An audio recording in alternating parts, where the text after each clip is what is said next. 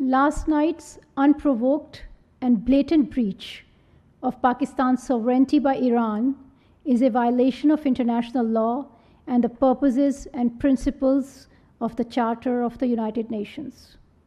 This illegal act is completely unacceptable and has no justification whatsoever. Pakistan reserves the right to respond to this illegal act, and the responsibility for the consequences will lie squarely with Iran. We have conveyed this message to the government of Iran.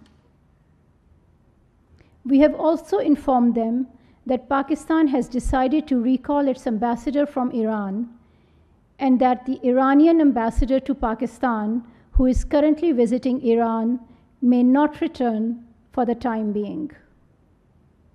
We have also decided to suspend all high level visits which were ongoing or were planned between Pakistan and Iran in the coming days.